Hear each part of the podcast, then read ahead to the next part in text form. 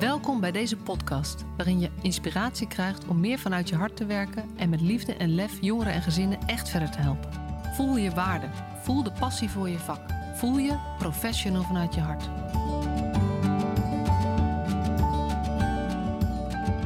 Leuk dat je weer luistert naar een nieuwe aflevering van de Professional vanuit je hart podcast. En vandaag ga ik in gesprek met Kirsten Kuppen.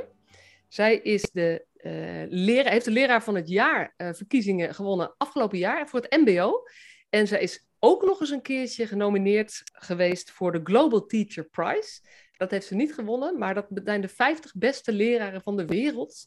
En op dat lijstje staat Kirsten gewoon ook.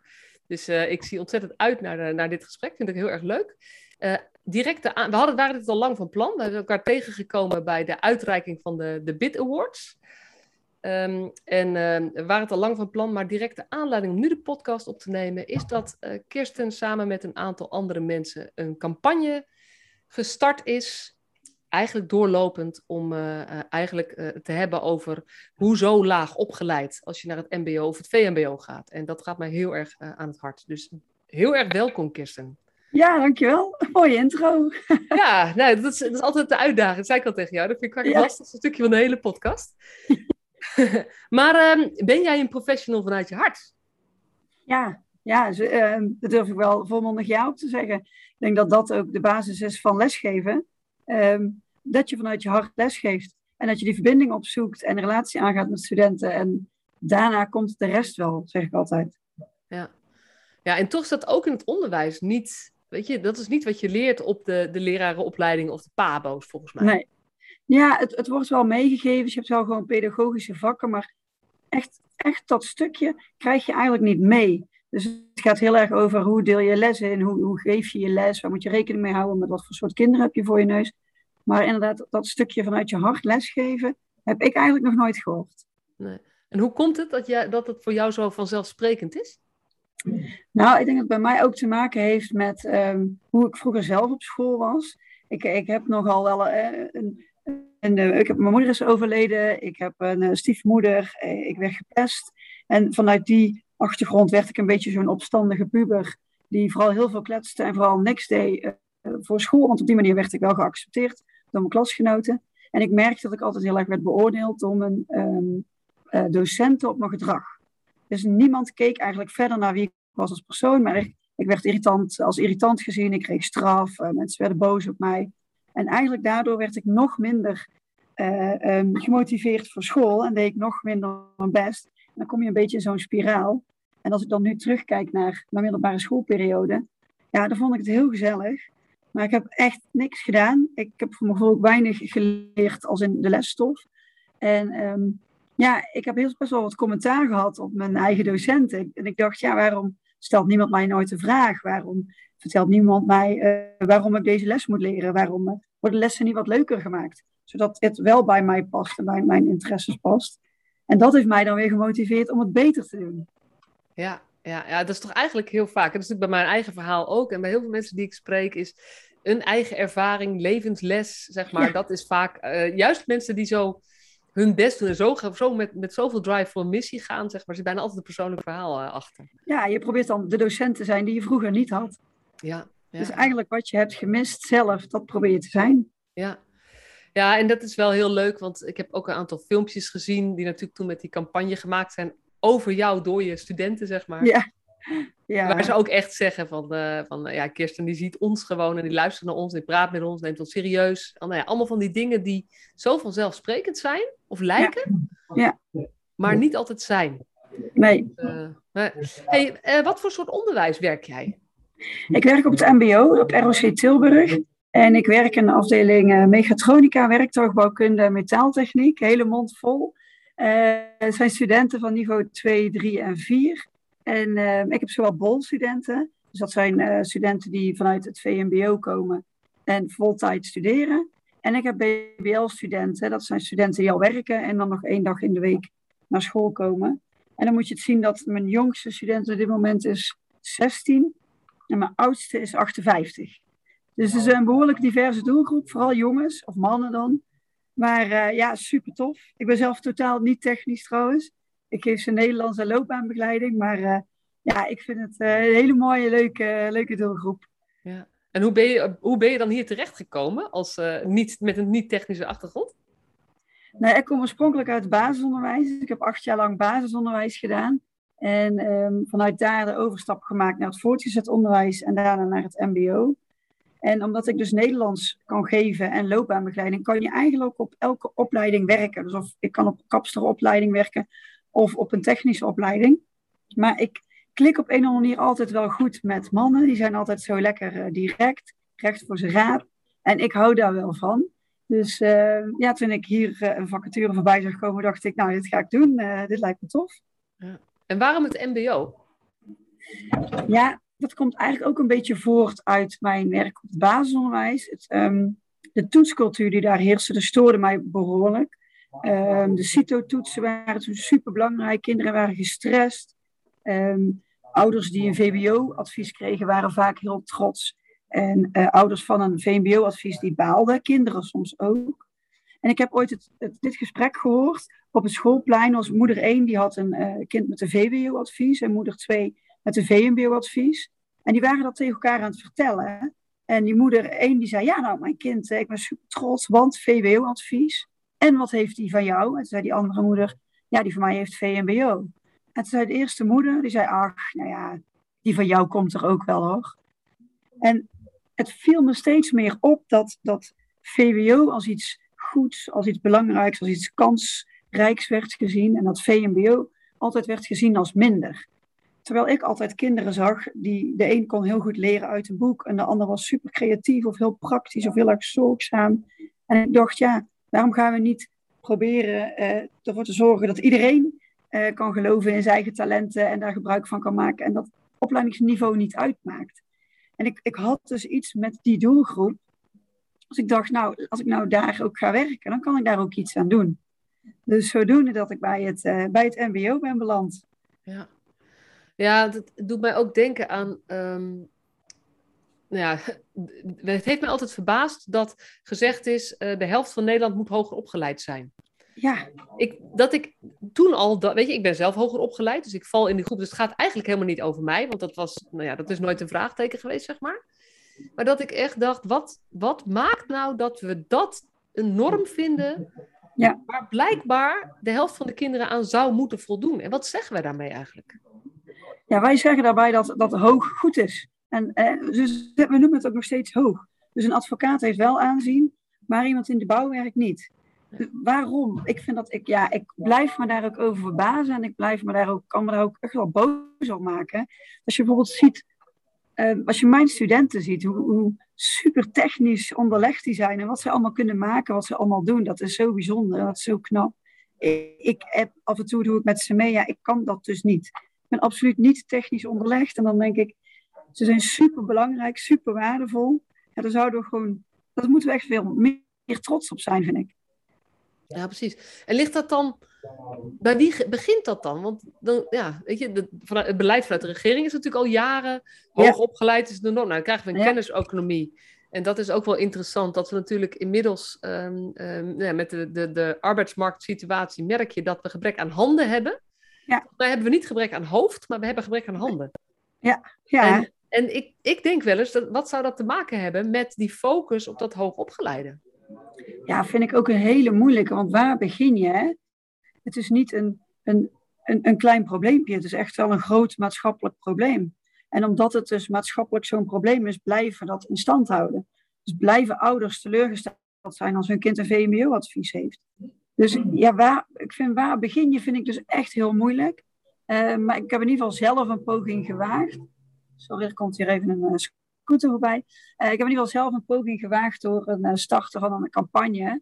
omdat ik merk dat, dat ik inderdaad van die vooroordelen af wil. Dus ik ben een postercampagne gestart vanuit mijn ambassadeurschool voor het MBO.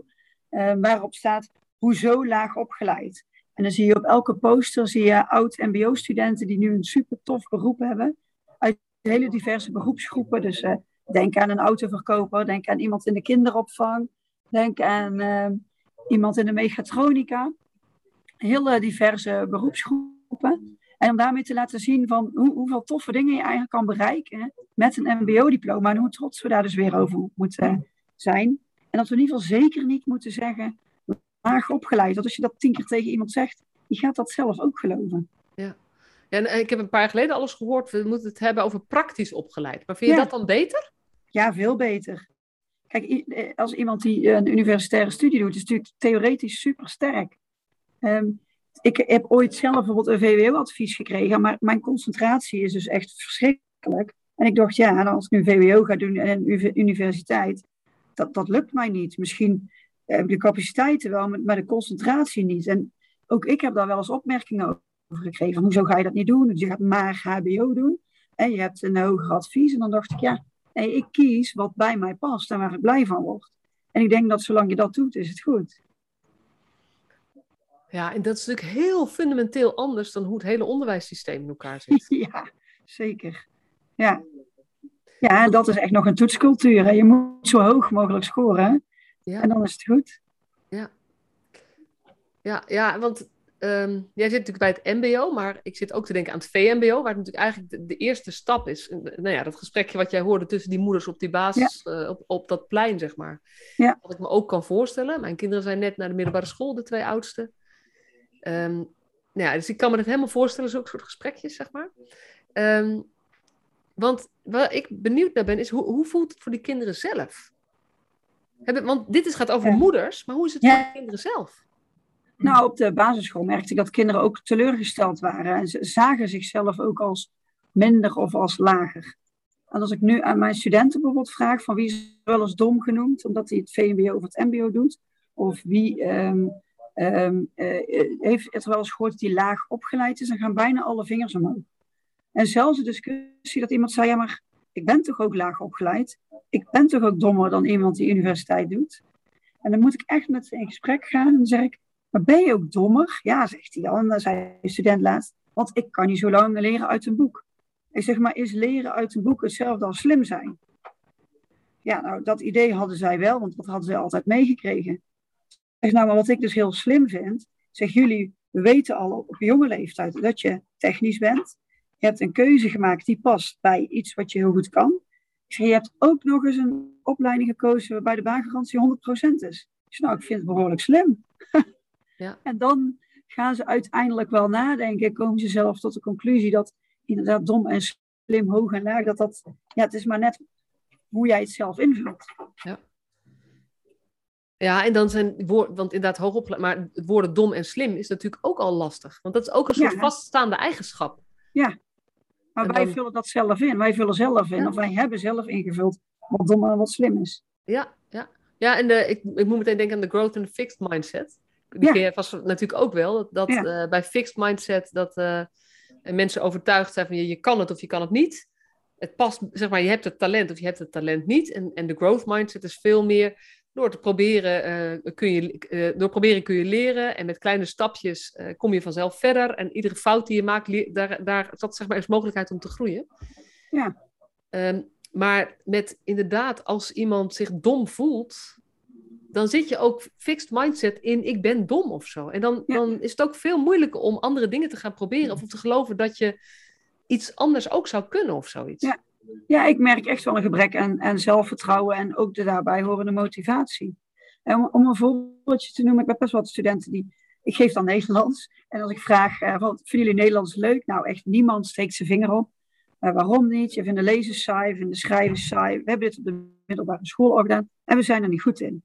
Dus en als ik dan vraag, maar hoe is dat dan gegaan op de basisschool en de middelbare school? Nou, dan waren ze er niet goed in dan moesten ze extra werk doen. Dan kregen ze vaak ook nog eens extra uitleg. Of moesten ze na schooltijd of tussen schooltijd kregen ze nog individuele begeleiding bij lezen. Op de middelbare school was dat hetzelfde. En continu werd er benadrukt dat zij iets niet goed konden. En dat wat ze niet goed konden, vonden ze niet leuk. Moesten ze nog meer gaan doen. Vonden ze nog minder leuk en, in, en inmiddels haten ze het. Ja. En dan denk ik, we zijn zo bezig geweest met wat iemand niet kan. Uh, en dat is denk ik ook het onderwijssysteem. Want wanneer moet jij op een rapportgesprek komen bij je zoon of dochter als iemand een onvoldoende heeft? Maar je wordt zelden uitgenodigd voor het vak waar je zoon of dochter een 9 of een 10 heeft. Terwijl dat is toch ook super mooi om te horen. Dat is ook iets om trots op te zijn. Daar wil je toch meer over weten. Maar zo werkt het systeem niet. Nee. Nee, en dan zijn dit vaak nog kinderen die op alle leervakken die natuurlijk over de hele linie geen 9 of 10 scoren. En dan met het ene uh, nou echt een onvoldoende en het andere, uh, andere zeg maar net voldoende. Maar uh, die misschien uitblinken in tekenen of in gym of in aardig zijn of ja. in natuuronderzoeken of in een vak wat helemaal niet op dat lijstje staat. Ja. maar wat ook niet, wat weinig aandacht krijgt. Want dit is, dit is ook in de hele maatschappij natuurlijk. We moeten altijd onze minpunten verbeteren. Terwijl ik al heel erg in geloof, ik, ik geloof in de Zone of Genius. Ik weet je het boek kent van, van nee. Kay Hendricks, dat heet The Big Leap. En die zegt dus, nou, je hebt vier zones van, van functioneren. De zone of incompetence, dingen die je niet kunt. Zone of competence, dingen die je kunt. Zone of excellence, dingen die je heel goed kan. Maar je hebt ook een zone of genius. En dat zijn dingen die je zo goed kan dat het als vanzelfsprekend is. En dat je het gevoel hebt dat, je, dat het niks bijzonders is. Ja, oh ja. ja. En um, ik, de, ja, ik raak steeds meer van overtuigd. Um, het is een beetje een ondernemerswereldje uh, waar ik me begeef in ieder geval. Gaat het hier ook over? dat je zoveel mogelijk zou moeten richten op die dingen waarin jij in je zone of genius zit. Ja. En dat kost het je minder moeite. Je bent er beter in dan andere mensen. Uh, en je doet iets unieks wat helemaal bij je past. Ja. En ik geloof ook meteen dat je dan ook veel blijer wordt voor wat je doet. Nog gemotiveerder wordt en er daardoor dus nog beter in wordt. Ja, ja dat sluit aan bij je talentenpaspoort natuurlijk ook. ja. Wil je er ja. wat over vertellen? Want dat is ook, uh, ik weet er ook niet, zelf niet zoveel van. Ik ken het woord, ik word er helemaal blij van, maar vertel ja, eens. Ja, dat past dus ook een beetje bij eigenlijk mijn verhaal net over het basisonderwijs en de toetscultuur. En dus alleen maar de focus op wat iemand niet kan. En ik heb al heel altijd gedacht van waarom gaan we inderdaad niet kijken naar wat iemand wel goed kan.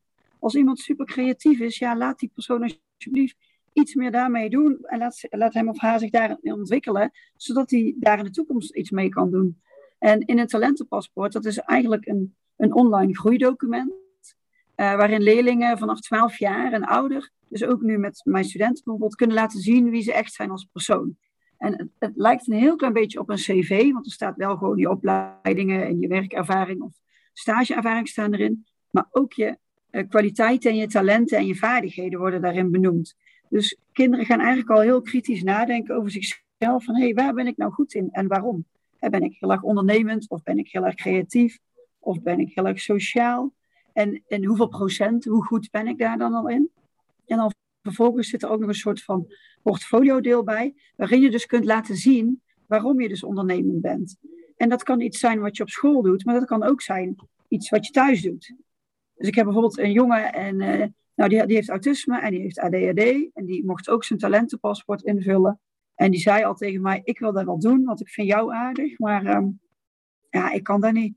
Want ik heb ADHD en autisme en mensen vinden mij toch alleen maar irritant. Ik heb helemaal geen talent en geen kwaliteiten.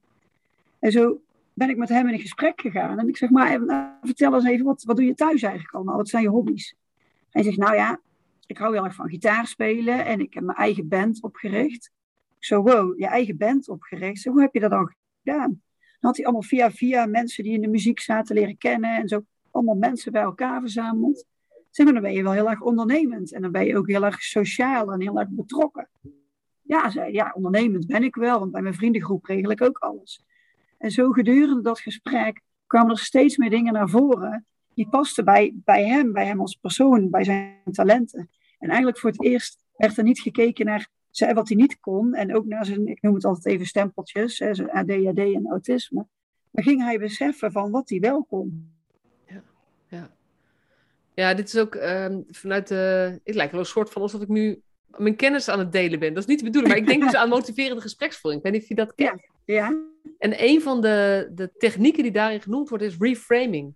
Ja. En dat is het hernoemen Precies. van dingen die het doet. Dus, dus ja. in plaats van het negatieve stukje eruit halen, het positieve stukje daarvan benoemen. Ja. En zo heb ik dat bij hem ook gedaan. Want hij zei, ja, ik heb dan autisme en um, ja, door mijn autist, uh, dan, dan lukken heel veel dingen niet. En toen zei ik tegen hem, ik zeg maar, ik kan me nog herinneren dat wij een introductie hadden. Toen was jij net nieuw in de klas. Dan moesten er allerlei activiteiten gezamenlijk. En sommige vond je lastig. Totdat er een tangrampuzzel kwam. En, ken je tangram-puzzels? Ja.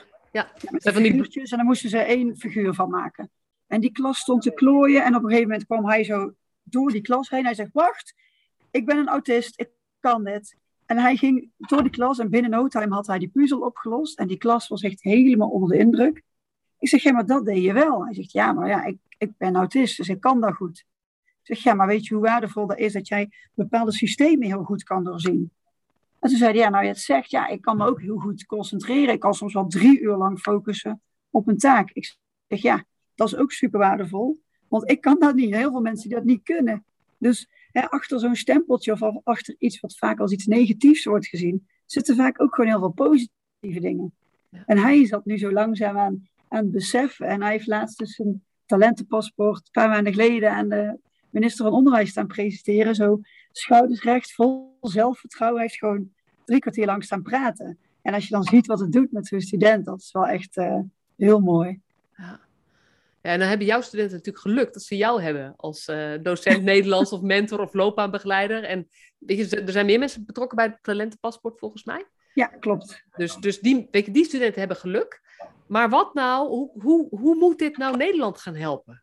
Wat is jouw idee daarover? Ja, mijn, mijn doel is dat straks echt iedereen van het voortgezet onderwijs tot met MBO, HBO, universiteit eh, en daarna, want het is natuurlijk super uh, iets moois om een goede match te maken op de arbeidsmarkt. Mijn doel is dat het echt voor iedereen beschikbaar is. En dat dus iedereen, daar, daarom sluit het ook weer aan bij die MBO-campagne, niet meer gaat denken in laag of hoog, dom of slim, of dat een opleidingsniveau dus niet meer uitmaakt, maar dat er inderdaad wordt gekeken naar waar ben je goed in, uh, hoe kan je dat laten zien, hoe kan dat inzetten en hoe kan je dat gebruiken voor je toekomst. Ja. En ja, dat, ik hoop gewoon dat ik nu steeds meer mensen zo via via uh, kan bereiken en dat steeds meer mensen dus hetzelfde gaan denken en het ook gaan inzetten. Want stel nou dat iemand nu luistert en denkt van, oh, dit vind ik eigenlijk superleuk. En, en, en nou, die, misschien, ik weet niet zo goed wie er luistert, misschien zijn het docenten, maar misschien is het wel iemand die in een bejaardenhuis of in ouderenzorg werkt. En misschien is het wel iemand die in de jeugdzorg werkt, zeg maar. En die denkt van, goh, maar eigenlijk vind ik dit een heel leuk idee. Hoe, hoe kunnen ze er dan ook nu wat mee? En hoe kunnen ze daar dan bij komen? het is al af als je naar www.talentenpaspoort.nl gaat. Dan vind je sowieso daar alle informatie en kan je ook een gratis demo aanvragen. Um, en maar ook als je, zeg maar, als je zelf wil gaan solliciteren ergens, is het ook gewoon super tof om dat in te vullen. En in plaats van een, een brief en een cv stuur je je talentenpaspoort mee. Dan, dan, ja, dan kun je veel beter een match maken op de arbeidsmarkt en kan iemand veel beter inschatten ja, of je bij die functie in dat bedrijf past. Want ja, zo'n cv'tje, dat is leuk, maar dat zegt nog steeds niks over jou als persoon. En als jij niet goed bent in een brief schrijven, dan vraag je of iemand die voor je typt. En dan weet je het nog steeds niet zo goed. Nee, precies. En als je onzeker bent, is een cv ook heel lastig natuurlijk. Om die, zeg maar, dan, dan heb je het wel op papier, maar dan kan je niet uh, eruit halen wat je eruit zou kunnen halen. moet je toch niet het bluffen. Ja, het is allemaal schriftelijk. En in het talentenpaspoort kan je, als jij visueel bent, kan je het ook mooi met een filmpje doen of met foto's. Dus je kunt het ook helemaal eigen maken. Ja. Heb je ook al voorbeelden van studenten of andere mensen die je kent die dit gebruikt hebben bij een sollicitatie of zo?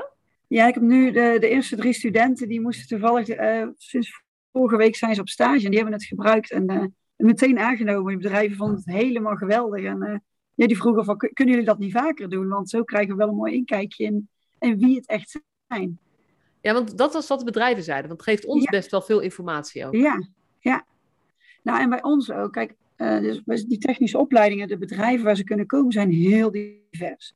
Dus soms kom je bij een boerenbedrijfje achter in een schuur waar twee mensen werken. En soms zit je bij hele grote bedrijven waarbij ze heel veel zelfstandig moeten werken of waarbij ze heel veel diverse taken krijgen. En het is best wel moeilijk om dan een goede match te maken. En als jij dus van jezelf weet waar jij goed in bent, waar je van houdt, ehm, wat je zou willen leren, uh, wat je al weet, dan kun je dus veel gerichter gaan solliciteren voor een stage of voor een baan. En kan een bedrijf ook beter inschatten of jij past daar. Ja, en ik zit me vooral ook het, het stuk, want je vertelde natuurlijk net van zijn uh, uiteindelijk heel veel van die VMBO, MBO-studenten die onder die hele, misschien wel harde buitenkant zit best wel ook onzekerheid of gevoel van uh, te dom zijn of zoiets. Als je dat gevoel kunt, nou ja, gevoel, of hoe noem je dat? Eh, als je daar een draadje aan kan geven, dan presenteert iemand zich ook anders. Ja, ja. Dus... Ja, en ik weet dat bijvoorbeeld in Amsterdam zijn ze nu ook aan het kijken. Dan noemen ze nog steeds probleemjongeren. Dat vind ik dan toch wel, of ik weet niet, zo werd het dan verwoord. Ik weet niet of het die stempel dan echt heeft.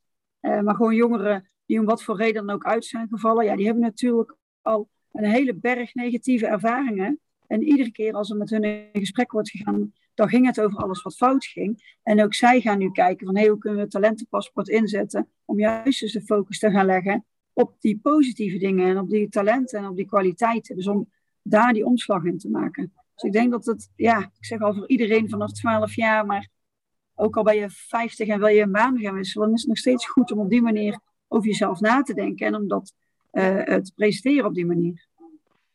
Nou ja, ik, zit, ik zit even naar de toepassing in de jeugdzorg te denken, omdat wij natuurlijk ja. uh, veel van die, wat ze dan probleemjongeren noemen, uh, gaan, die zitten daar. En heel veel hebben daar ook een gevoel van, wat moet ik nou toch met mijn leven? Niemand wil me hebben. Ja. Uh, wat, wie ben ik eigenlijk? Ik kan niks goed, want alles is toch al mislukt, zeg maar. Dus, en dan hebben ze allemaal doelen, krijgt meer zelfvertrouwen. En krijgt, en, maar hoe doe je dat? En dit zou ja. een hele mooie tool kunnen zijn. Ja. Kan je iets zeggen over, want je zegt een gratis demo, dus het is niet gratis te gebruiken daarna. Kan je iets zeggen over de kosten, weet je dat? Ja, uh, het is uit mijn hoofd 14 euro per jaar. Uh, maar uh, je kunt zeg maar bijvoorbeeld het elk jaar op school gebruiken. En zolang jij niet meer betaalt, dan kan je het niet meer bewerken, maar dan blijft het wel jouw eigendom. Dus je kunt ook zeggen, nou ja, ik heb het vijf jaar geleden eens een keer gebruikt. Ik wil nu weer gaan solliciteren, dus ik betaal dat account weer. Ik vul hem weer aan en ik ga hem gebruiken. En omdat jij altijd zelf eigenaar blijft. Dus school is niet eigenaar zoals bij de meeste lesmethodes of boeken echt een leerling of een student is uh, eigenaar. Ja. En jij bepaalt ook zelf wie erin kan zien door, door zelf te, de link te versturen of door mensen rechten te geven om het in te zien. Okay. Dus het is ook niet openbaar. Ja. ja. Nou, dat is wel, ik vind het echt wel heel erg, uh, heel erg tof. En ik ga het ook eens meenemen in gedachten gewoon uh, naar... Weet je, een van de dingen die ik heel erg belangrijk vind is dat we jongeren in moeilijke situaties meer perspectief laten ervaren. En dat is ja. eigenlijk wat jij ook op een bepaalde manier doet. Ja. Van dat, ik ben toch maar dom en ik, word, weet je, en ik kan niet goed lezen, dus, nou, dus ik, heb, ik heb maar weinig mogelijkheden. Eigenlijk... Nou, verrek, ik heb talenten, ik kan dat. dingen goed, ik heb, dit zijn mijn kwaliteiten en gewoon weer geloven in jezelf. Dat, en, en daar ja. ben ik ook heel veel mee bezig. En dan gaat het over wat voor perspectief zie je voor jezelf. Dus hoe zou je willen leven als je straks 25 bent of 30 bent. En dat, daar past dit eigenlijk wel heel erg mooi in. Dus ik ga dat eens, ja. uh, het is heel leuk om uh, te weten. Waar ik nog aan zat te denken, wat natuurlijk wel een groot probleem is in Nederland, tenminste, dat vertelt de media mij, is laaggeletterdheid. Ja. En dat gaat ook over deze groep jongeren. Ja.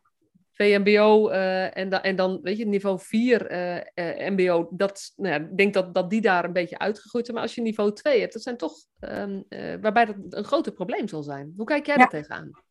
Ja, dat is leuk, want daar ben ik toevallig nu mee bezig. We hebben nu een, een, een heel blok van Nederlands met lezen. En dan vraag ik inderdaad aan ze van, wat is het nou um, uh, dat, het, dat het niveau minder hoog is en dat je het ook minder leuk vindt? En ze komen eigenlijk allemaal, ik weet niet of je ooit die aflevering van Arjen Lubach hebt gezien over begrijpend lezen. Maar mocht je een kwartiertje over hebben, hij slaat echt de spijker op zijn kop. Hij heeft een heel stuk over begrijpend lezen en waarom dat helemaal niks is. Ja, studenten die zijn echt doodgegooid met begrijpend lezen. En waardoor het leesplezier er gewoon vanaf is gegaan.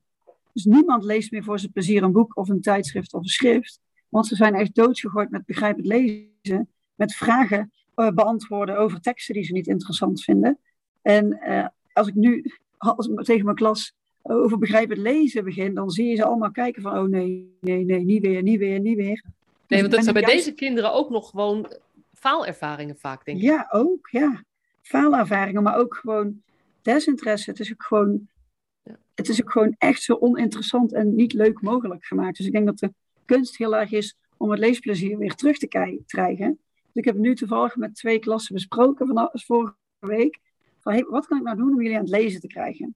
En eigenlijk het enige wat ze zeggen is, geef ons iets wat we leuk vinden. En de ene uh, die wilde een Donald Duck en de andere een tijdschrift van Formule 1. En de andere, ik heb hier een uh, Mokro Mafia boek liggen en een uh, tijdschrift over voetbal. Nou, er ligt hier van alles. Ik zeg, het maakt me dus niet uit, maar kies iets wat je leuk vindt. En of het nou een Donald Duck is of een echt leesboek, als je maar gaat lezen. En ik heb nu dus gewoon al twee klassen aan het lezen gekregen. Die gaan elke les 20 minuten lezen en het is doodstil. En toets je dat dan daarna ook nog? Of gaat het je alleen maar om laat ze alsjeblieft lezen. Want daar zit de grootste winst in. Dit is natuurlijk jouw vakgebied, hè? Ja, nee, ja. voor mij is dus echt het leesplezier het belangrijkste. Leesplezier. Ik ook wel in als je, ja, leesplezier inderdaad. Als je meters gaat maken met het lezen, dan word je automatisch beter. En ik ga dat niet toetsen, want als ik dat nu weer ga toetsen, ja, dan verpest ik het leesplezier weer. En ik deel natuurlijk wel zo mijn les in. Kijk, ze moeten het jaar een examen gaan maken. Dus ze hebben wel bepaalde basiskennis nodig. Dus een deel is gewoon een stukje leesplezier en een deel is dat ik elke les een klein stukje van die basisvaardigheden eruit haal en bespreek met de tekst.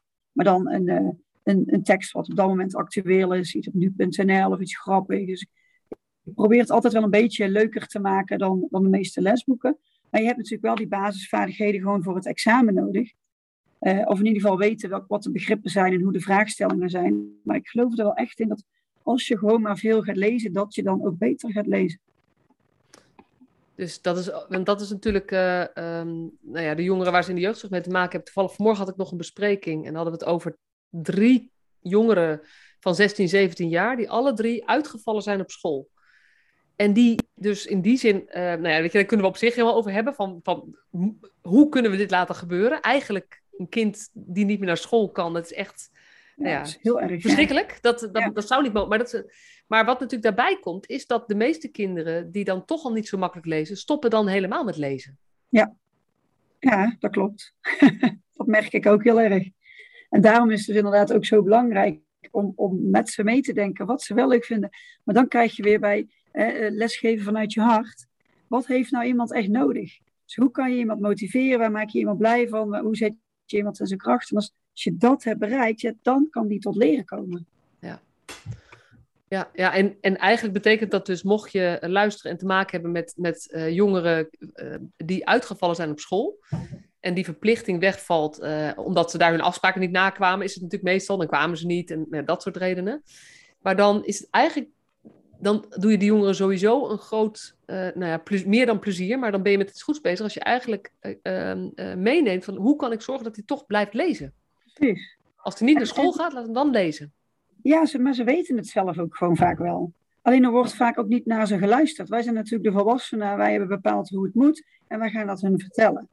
En ik denk dan, dat is niet de manier om iemand tot leren te krijgen. Ga nou eens gewoon in gesprek met iemand, stel eens vragen en laat ze het ze zelf maar eens vertellen. En dan kunnen ze dat eigenlijk heel goed. Ja, dat is echt zo maf, hè? Want ik geloof je natuurlijk ook 100% in, maar dit is nog niet echt mainstream om er zo tegenaan te kijken. Nou, het grappige is dat ik dit al zelfs in, uh, ik heb groep 7, 8 gedaan. Ik deed het zelfs in groep 7, 8. We moesten altijd in niveaugroepjes werken en dan de, de, de, uh, had de, de goede, de middelmatige en de, en, de, en degenen die ergens niet goed in waren. En dat was ook altijd een beetje zo'n zo'n dingetje. En kinderen die dan inderdaad uh, uitstroomde naar VMBO basiskader, zat eigenlijk bij alles in het laagste groepje. Dat is toch een beetje frustrerend. En ik zei eigenlijk altijd tegen mijn klas, ik zeg nou, hey, weet je, de ene is er hier goed in, de andere is daar goed in. Ik ga bij elke les, heb ik een instructiegroepje. En of jij nou in het uh, hoogste, middelste of laagste clubje zit, dat maakt niet uit. Als je extra hulp hierbij nodig hebt, kom je gewoon bij mij zitten. En denk jij van, ook al vind je rekenen moeilijk, misschien is het een onderwerp wat jij heel makkelijk vindt, dan ga je lekker zelf aan de slag. En dan leg je dus die verantwoordelijkheid bij de leerlingen. En ineens ging dat hartstikke goed. Dan zat ik met alle drie de groepjes een beetje gemixt door elkaar. Zat ik de breuken te doen. En de keer daarop zat ik iets met spelling te doen. En dan ging het er meer over van wie heeft er gewoon wat meer hulp nodig of iets meer uitleg. En dan ben je niet meer bezig met wie is er goed in, wie is er slecht in, wie is slim, wie is dom. Nee, wie kan ik helpen? Ja, waarmee je ook veel meer die verantwoordelijkheid bij hen laat, maar ze ook Precies. laat nadenken over, hey, kan ik dit zelfstandig of heb ik hulp nodig? Dus je, je, je leert ze ook om hulp te vragen. Ja. Want dat is natuurlijk bij die... Uh... niet erg is. Nee, precies. Want dat is natuurlijk bij de kinderen die aan de bovenkant van, de, van, het, van het niveau zitten vaak. Weet je, dat met mijn kinderen ervaren. Ja. Dat, dat um, die moeten zo vaak alleen dingen doen dat ze ook afleren om hulp te vragen. En eigenlijk valt het niet op, want ze, weet je, ze halen het basisniveau toch wel. Ja, ja precies. Precies dat inderdaad. Het is me ook heel vaak opgevallen. Dus dat is wel mooi, want daarmee maak je... En je maakt het ook gelijkwaardiger. Want het is natuurlijk helemaal... Weet je, voor jezelf trouwens echt super slecht als jij altijd in het groepje zit wat extra uitleg krijgt van de juf of de meester. Ja, maar en andersom ook. Als je, wat je zegt, als je altijd in het hoogste groepje zit en je moet altijd alles alleen doen, dat is op een gegeven moment ook niet meer leuk. Nee, klopt. Klopt, klopt. Dat is echt, mijn zoon die heeft echt ondergepresteerd, omdat hij zei, ja, ik moet de hele tijd in mijn eentje werken. Ja. Ja, en Dat, dat vond hij niet leuk. En uh, nou ja, dat, dat is een heel ander probleem. Het is, het is eigenlijk het, het, uh, het gevolg van hetzelfde onderwijssysteem. Ja, ja. Dus uh, ja. Ja, dus de, die lage letterdheid, daar hebben we eigenlijk allemaal iets in te doen. Ja, dat denk ik ook. Maar gewoon, dat begint op de basisschool al, maar ook ouders thuis. Ja, ga lekker. Ik, ik hoor ook wel eens dat dan kinderen die, niet goed kunnen lezen, dan gaan ze naar de biep, denk ik hartstikke goed. En dan komen ze met zulke dikke boeken aan, denk ik, oh, dat, daar worden ze echt niet blij van. Of dat mensen echt zeggen, nee, je mag absoluut geen stripboek, want daar leer je niks van. En ik denk dan, ja, lezen is lezen. Ja. Maakt niet uit. En als daar een plaatje bij staat, ook goed. Ja. Als je maar gaat lezen. Ja, precies. Dan kan je nog een knipoog bij geven. Niet alleen plaatjes kijken, hè, zeg maar. Dat kan je nog zeggen. Ja. Maar ieder woord wat ze extra lezen is gewoon een voordeel. Dus dat Ja. is. eh, nou, en ik denk dat. Weet je, dat is natuurlijk toch. Jeugdzorg en onderwijs zijn heel gescheiden werelden. Bij de kinderen die, het, die, die echt in lastige situaties zitten. Of die zogenaamde probleemjongeren. Waar, dat woord waar ik ook niet van hou. Hebben vaak zowel bij onderwijs problemen. als dat ze met jeugdzorg te maken hebben. Ja. En eigenlijk zouden we veel meer samen moeten optrekken. om te kijken hoe krijgen we nou met z'n allen deze jongeren richting dat mooiere toekomstperspectief. Wat voor Ja. iedereen weggelegd zou moeten zijn. En daar hebben we elkaar ook echt voor nodig. ja, dat denk ik ook. En ik denk dat je op die manier, de, als je toch weer in termen moet blijven praten, de probleemjongeren wel voorkomt. Want er wordt veel meer naar ze geluisterd. En ze krijgen veel meer verantwoordelijkheid. En er wordt veel meer met ze meegedacht. Ja, ja. ja dat, daar ben ik het nieuwsgierig naar. Heb jij wel eens te maken met jeugdzorg eh, eh, vanuit jouw rol, zeg maar? Ehm, niet direct, want wij hebben een, een, eh, zorgteam hier op school met schoolmaatschappelijk werkster en een psycholoog. Dus ehm, als ik een beetje naar mezelf kijk, dan een paar mentorklassen. En als dan inderdaad buiten mijn expertise gaat, dan verwijs ik ze vaak door. En als ze dan inderdaad nog in contact moeten komen met de jeugdzorg of met een andere instantie, dan eh, gaat ons zorgteam, eh, die doet dat. En dat is op zich wel heel fijn, vind ik, want de lijntjes bij ons heel kort. Elke week is er ook iemand vanuit het zorgteam bij onze leerlingbesprekingen. Dus we hebben de leerlingen daardoor eh, wel echt goed, goed in beeld. Maar er speelt, ja, er speelt wel genoeg, eh, vooral door corona, ja, er is, er is genoeg gaande in ieder geval. Ja. Ja, ja het is zeg maar, wat ik, wat ik wel steeds terugkrijg, is voor, ook voor onderwijsmensen is het jeugdzorgwereldje ook een soort van, nou ja, eh, hoe moet ik het noemen, een, een kluwen van allemaal verschillende mensen die verschillende dingen doen en niemand Ja. weet eigenlijk precies wat of zo. Ja, en wat ik ook merk is dat, kijk, docenten zijn natuurlijk allemaal eh, eh, ook een beetje eigenwijs. En die willen het al, allemaal alles zelf doen. Dus die met alle goede bedoelingen proberen zij studenten of leerlingen heel goed te begeleiden zelf. Ehm, maar die vergeten soms dat, dat er soms wel echt iets meer nodig is dan dat. En om dan de stap te eh, maken en dus aan iemand vanuit de zorg om hulp te vragen, dat is voor best wel veel mensen ook heel moeilijk. Ja. Maar ook omdat ze gewoon niet zo goed van elkaar weten van tot wanneer houdt het voor mij op en wat kan iemand anders dan betekenen voor mij? Dat is, dat is best wel een, een, een dingetje, denk ik. Ja, en dat is ook eigenlijk per persoon natuurlijk verschillend. Want de ene Ja, mens ook. heeft daar gewoon meer affiniteit mee of handigheid mee. Weet je, als ik me even jouw studentenpopulatie voorstel, eh, dan zijn dat natuurlijk van die jongens die, eh, niet allemaal, maar heel veel, ja, daar kan je zo'n heel lief, eh, schattige jeugdzorgwerker op Nee. afsturen. Maar dat is niet de, mes- de beste klik Nee. meestal. Nee, Dan nee, kan je nee. beter zo'n eh, zo'n ehm, eh, eh, werkbegeleider die zelf uit de, uit de bouw komt, Ja, die zegt, nou jong, je moet er eventjes, eigenlijk eventjes jezelf bij elkaar pakken hoor, jongen, want zo gaat Ja. het niet goed, zeg maar. En dat, dat, dat, die taal en dat is onze maatschappelijk werkster ook hoor. Dat is echt gewoon lekker, gewoon zo'n super relaxed mens. En bij ons is het inderdaad ook, ja, weet je, als je daar niet heen wil, wij gaan, niet, jij gaat jou niet dwingen om daar te zitten. Nee. Maar vaak als ze eenmaal één keer zijn geweest, dan merk ze ook wel dat de sfeer heel relaxed is. En dat er wel echt naar ze wordt geluisterd, echt met ze meegedacht wordt. Ja. Vorig jaar nog hebben we iemand eh, doorverwezen, die was eh, verslaafd aan eh blowen. En die is nu al een half jaar clean daardoor. Dus Ja. op die manier, als we een beetje gebruik maken van elkaars expertise, kunnen we studenten wel het beste helpen. Ja, en wat ik jou ook steeds hoor zeggen, ehm, is, is eh, ze merken dat er naar ze wordt geluisterd. Want ik Ja. denk dat, dat, als ik me even omdraai, is het terugkerend verhaal wat jij van je studenten hebt gehoord, is dat er niet naar ze is geluisterd. Ja, zo was het bij mij natuurlijk ook en zo is het bij hun ook. Ja. Ja. En dan voelen ze zich niet serieus genomen. Nee. Nou ja, dan ga maar eens eh, hard werken in een les waarbij jij je niet serieus genomen vond. Dat, dat werkt niet. Nee, precies. Je voelt je niet serieus genomen en je voelt je toch ook al of dom, of mislukt, of slecht soms. Ja. Of, want je kan niet stilzitten. Wat natuurlijk, weet je, dan, dan, dan word je toch een soort van rotkind of zo. Ja, Zo- nou, zo- zo werd het gezien, ja. Ja, zo wordt het gezien, maar zo gaan kinderen ook over zichzelf denken op een gegeven moment. Dus eh, daar hebben wij als professionals, vind ik, gewoon ontzettend veel in te doen om, om buiten dat gedrag te kijken. En eigenlijk te kijken van, joh, weet je, maar wie ben jij eigenlijk? En ook al zit je niet stil, eh, niet stilzitten betekent ook vaak dat je mega veel energie hebt. Dus dat heeft ook zo zijn voordelen. En weet je hoeveel eh, bedrijven zitten te wachten op mensen die eh, heel veel energie hebben en heel veel kunnen doen. Ja, ja, ja. ja, en waar, ja, waar ik ook aan moet denken is, als jij zo aan het, aan het vertellen bent, denk ik, ehm, dat we hebben het over cv's, we hebben het over banen en ergens dan binnenkomen en met opleidingsniveau. Ik denk ondernemerschap is voor een deel van zulke soort gastjes um, een uitkomst. Want daar gaat het niet over welke diploma's je wel of niet hebt. Nee, nee.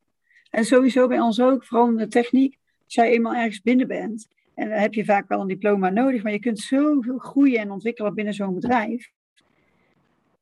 Ja, ja. En doen jullie, want dat ondernemerschap, dat vind ik, want het, uh, je zegt docenten zijn eigenwijs, maar um, een deel van, van jouw studenten is ook heel eigenwijs, zeg maar. Ja. En dat, ik hou daarvan, maar het is wel handig om een manier te vinden dat, dat je die eigenwijzigheid, dat dat niet betekent dat je zeg maar in conflict komt met een baas of zo, zeg maar. En dan heb je natuurlijk een deel van die, uh, wat de maatschappij rotjongens noemt, die kan beter ondernemer worden. Ja. En daar heel handig in worden, dan ergens in een bij een baas komen waar het niet helemaal gaat zoals ze zelf willen. Ja. ja Begeleid jij ook een beetje die kant? Ja, soms wel. We zijn natuurlijk best wel wat aan, het nadenken. Eh, vooral in de laatste jaren tijdens loopbaanbegeleiding. Van wat, wat wil je nou in je toekomst? Wil je bij een groot bedrijf, een klein bedrijf? Wil je voor jezelf? Maar als je voor jezelf begint, wat betekent dat dan? Want dan is het niet zomaar alleen maar uh, je komt aan op je werk en je gaat je werk doen. Nee, dan moet je dus ook echt zelf opdrachten. Dan zit je de financiën, er zitten dus best wel wat dingen bij. En daar moet je wel van houden.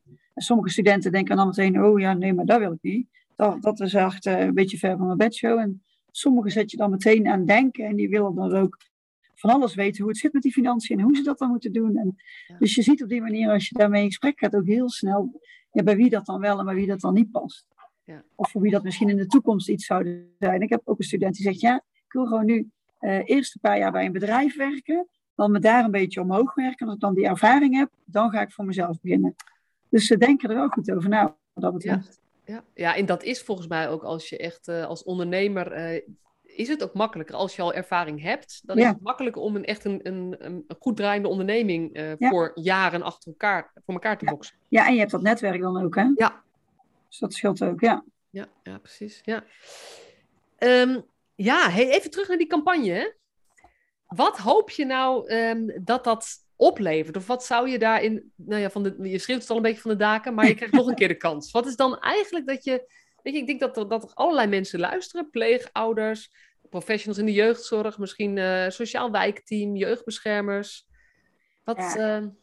Ik wil af van laag en hoog en dom en slim en ik wil af van oordelen op, op opleidingsniveau en ik wil dat mensen gewoon trots zijn op hun kinderen en op hun leerlingen, ongeacht welk advies ze krijgen. En dat mensen dus gewoon echt gaan kijken naar waar is iemand goed in, wat zijn iemands talenten en hoe kan je die het beste benutten. En als je dat stimuleert, dan zorg je dus ook voor dat ongeacht het opleidingsniveau een kind gewoon met zelfvertrouwen en met plezier naar school gaat. Want het maakt niet uit. Je gelooft in je eigen talenten.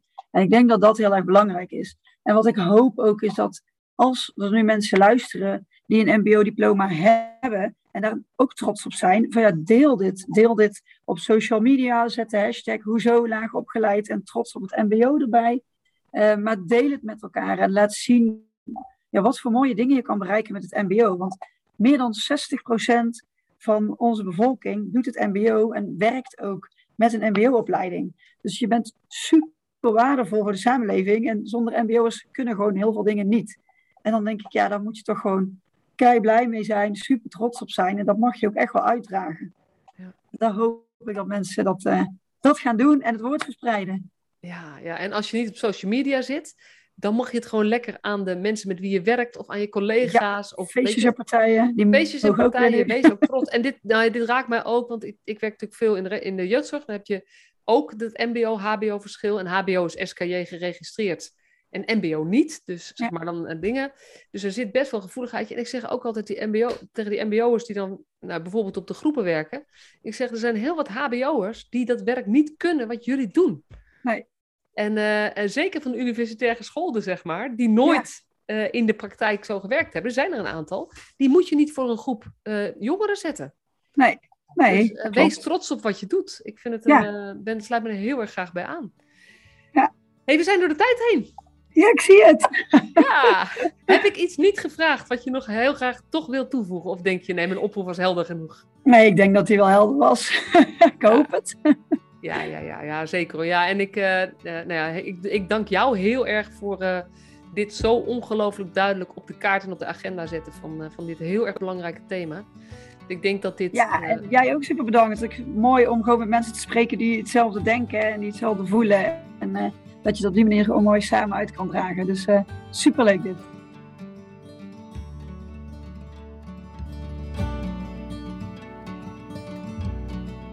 Superleuk dat je weer luisterde naar deze podcast. Dankjewel. Nog even kort een paar belangrijke dingen. Ten eerste, het is mijn missie dat de jeugdhulp weer een sector wordt waarin bevlogen, liefdevolle professionals jongeren en gezinnen echt verder helpen. Daarom maak ik deze podcast voor jou. Wil jij deel uitmaken van deze beweging van Professional vanuit je hart, waarin professionals elkaar steeds opnieuw inspireren? Begin dan met het lezen van mijn boek. Je kunt de eerste hoofdstukken helemaal gratis lezen. Ga naar professionalvanuitjehart.nl/slash boek. Ten tweede, wil je alle podcastafleveringen overzichtelijk onder elkaar? Abonneer je dan op deze podcast. Klik in je podcast-app op de button subscribe of abonneren. En elke keer als er een nieuwe podcastaflevering gepubliceerd wordt, ontvang je automatisch een berichtje. Ten derde, ondersteun je mijn missie? Geef me dan een review via je podcast-app, bijvoorbeeld iTunes of Spotify. Op die manier kan ik nog meer professionals bereiken. En ken je een collega voor wie deze podcast ook interessant is? Dan zou het super zijn als je hem of haar de podcastaflevering doorstuurt. Bijvoorbeeld door de link te kopiëren via Spotify. Ik vind het altijd heel leuk om berichtjes te ontvangen van luisteraars om te horen wat je van een podcast vindt, of als je misschien vragen of suggesties hebt. Of als een aflevering je een bepaald inzicht heeft gegeven of er iets in beweging is gekomen. Stuur me dan even een berichtje op masha.professionalvanuitjehart.nl via de website of stuur me een connectieverzoek op LinkedIn.